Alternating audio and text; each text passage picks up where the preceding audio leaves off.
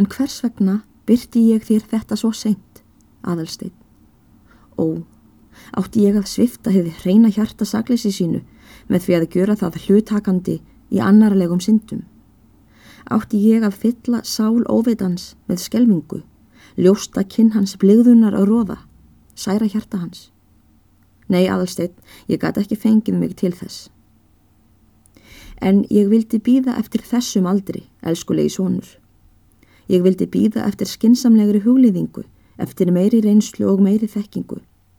Ég vildi býða þess, svo ég segi nú allt eins og er, að brefið geti byrt þér leindaradómin í minn stað, fyrir brefið kann ekki að róðna. Og enn þóttist ég þurfa að býða af fleiri orsökum. Mér langaði til að þú varir búin að læra að vorkina. Vorkina ungu hjarta, þótt að hrasi fyrir augabræðs og aðgæðislu. Að vorkina veikri móður ævilangan harm. Ég veit það steinu minn, þú ert komin á þann aldur, þú grætur með mér, þú blandar þínum tárum við mín þegar þú lest lendarmálið. Sakið þess valdi ég 16 árin. Ef eigingirnin er með í því vali, þá er það móðurleg eigingirni.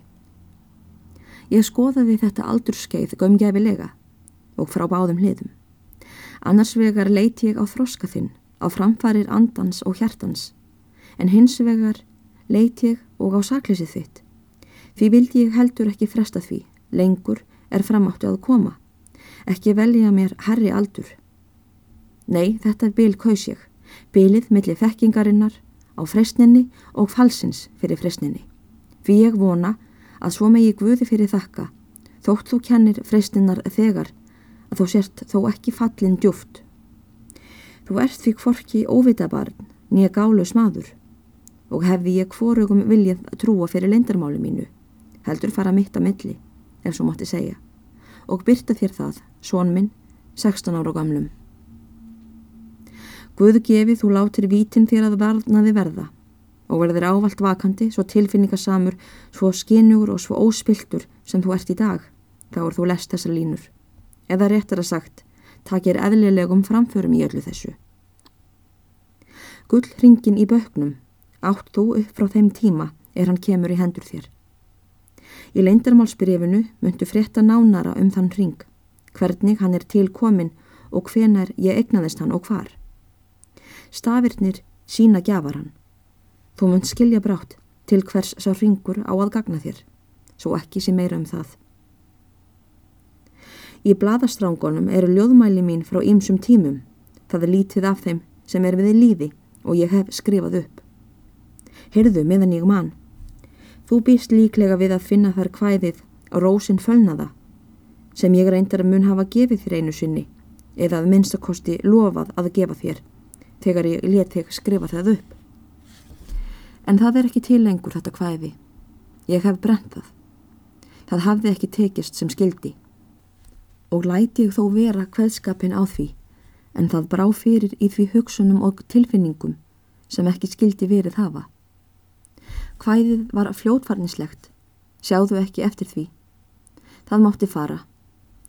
Aftur myndu finna nýra hvæði sem ég hef kallað hinn kvikula gesla og held ég þú hafið ekki séð það hjá mér. Þú skalt þá eiga það í staðin fyrir hitt og þar myndu finna tekið upp allt það sem nýtilegt var í rósinu fönnuðu. Ég vona þú verðir ánægur með þessi skipti.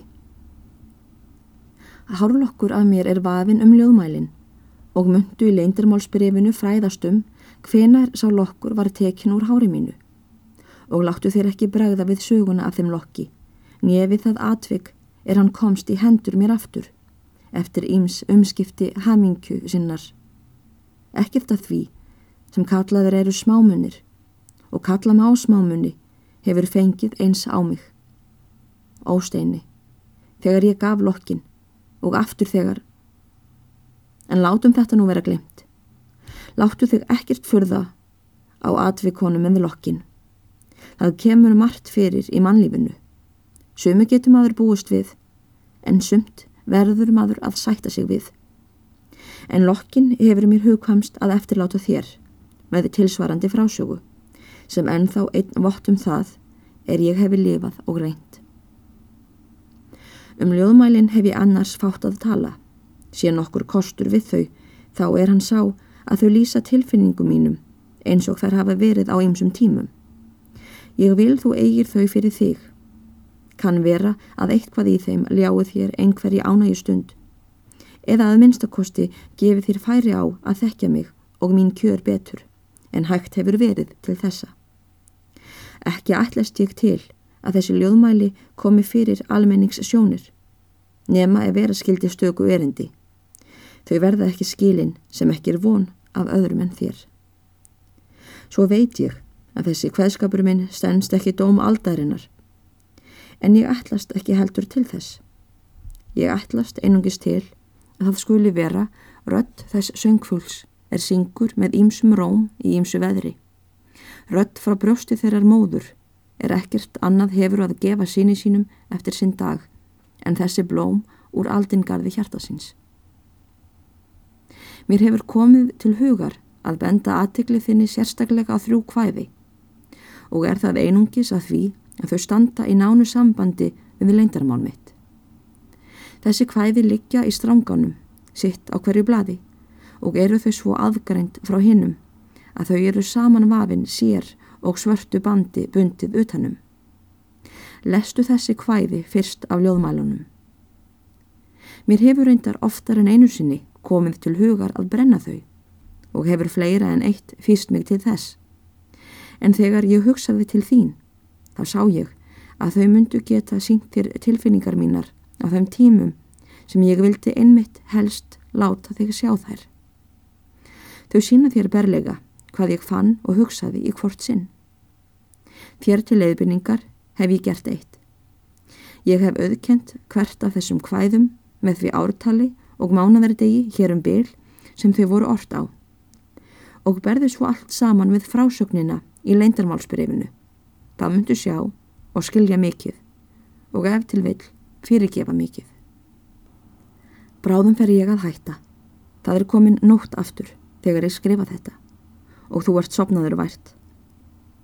Ég hef nú vakað hálft fjörða dægur yfir móðurskildu mínum, svo veik sem ég þó er. En ég þarf ekki að hlýfa mér steini, það þýðir ekkert. Ég lengi ekki lífið híðan af. Ég ber döðan í mér, ég sé hann og ég þreyfa á honum. En ég hræðist hann ekki, því nú veit ég að ég hef gert gott verk. Nú er ég fyrst róleg, nú finn ég að allt er friðþægt. Hrausunin var mikil, hegningin hefur og verið mikil, gott. Ég finn að himnafaðurinn er sáttur. Hann hefur lagt rísið til hliðar. Hann ætlar ekki að krefja meiri sakarbætur.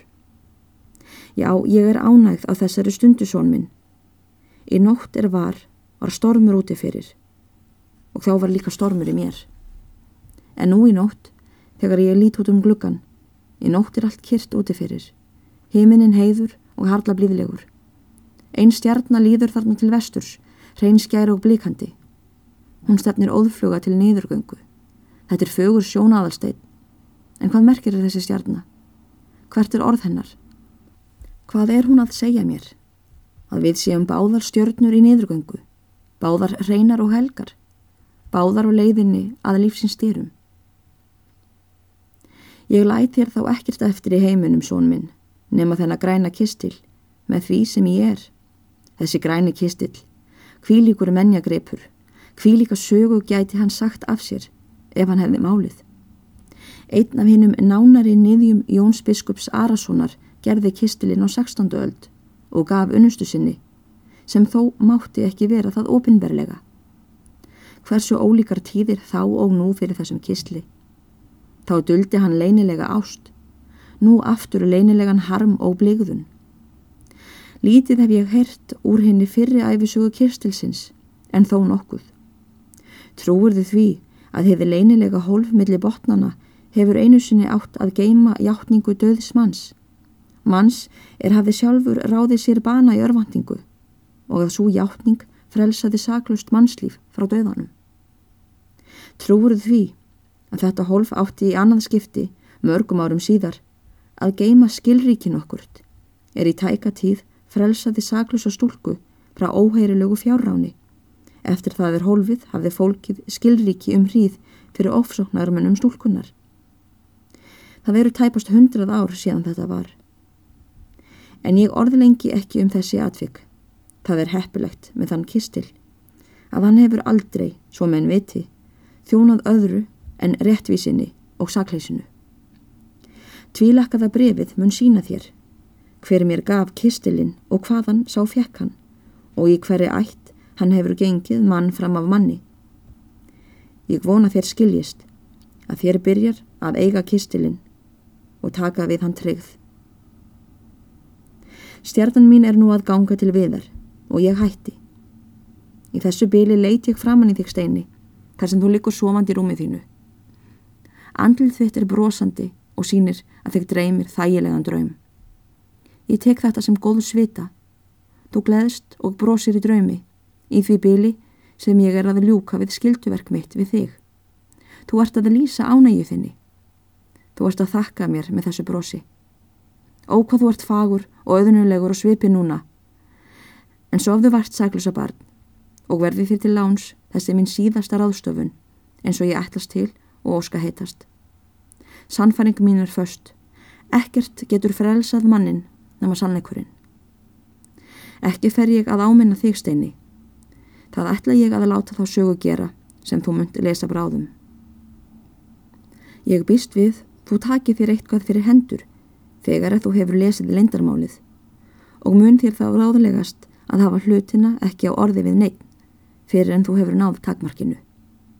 En þá skaltu gera allt heyrinn kunnugt og hugsaðu þá ekkert um mig. Í gröfunum eru menn ekki hörunsárir. Þeir sem vita leindarmál mitt eru biskupsfrúin og aða líkendum maður hennar og svo síra Sigurður frændi minn, aðrir ekki. Oft hef ég verið komin á fremsta hlunn með að trúa Sigurbjörgu vinkonum minni fyrir þessu máli því að það hefði verið óhætt og mér enda hugarléttir síðan hún kom hér á vægin og hún hefði skilið mig. En aldrei hef ég komið mér til þess og máttu þar að vráða hver mjög þessi hlutur hefur þrýst að mér á allar hliðar. Ég hveð þig nú í síðasta sinn. Þú færð ekki orð frá mér tíðara.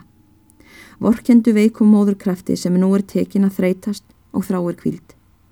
Elskulegi aðalstinn, þetta skal vera síðasta orðið í brefinu og hvela í sér alla mína tilfinning, hugsun og von.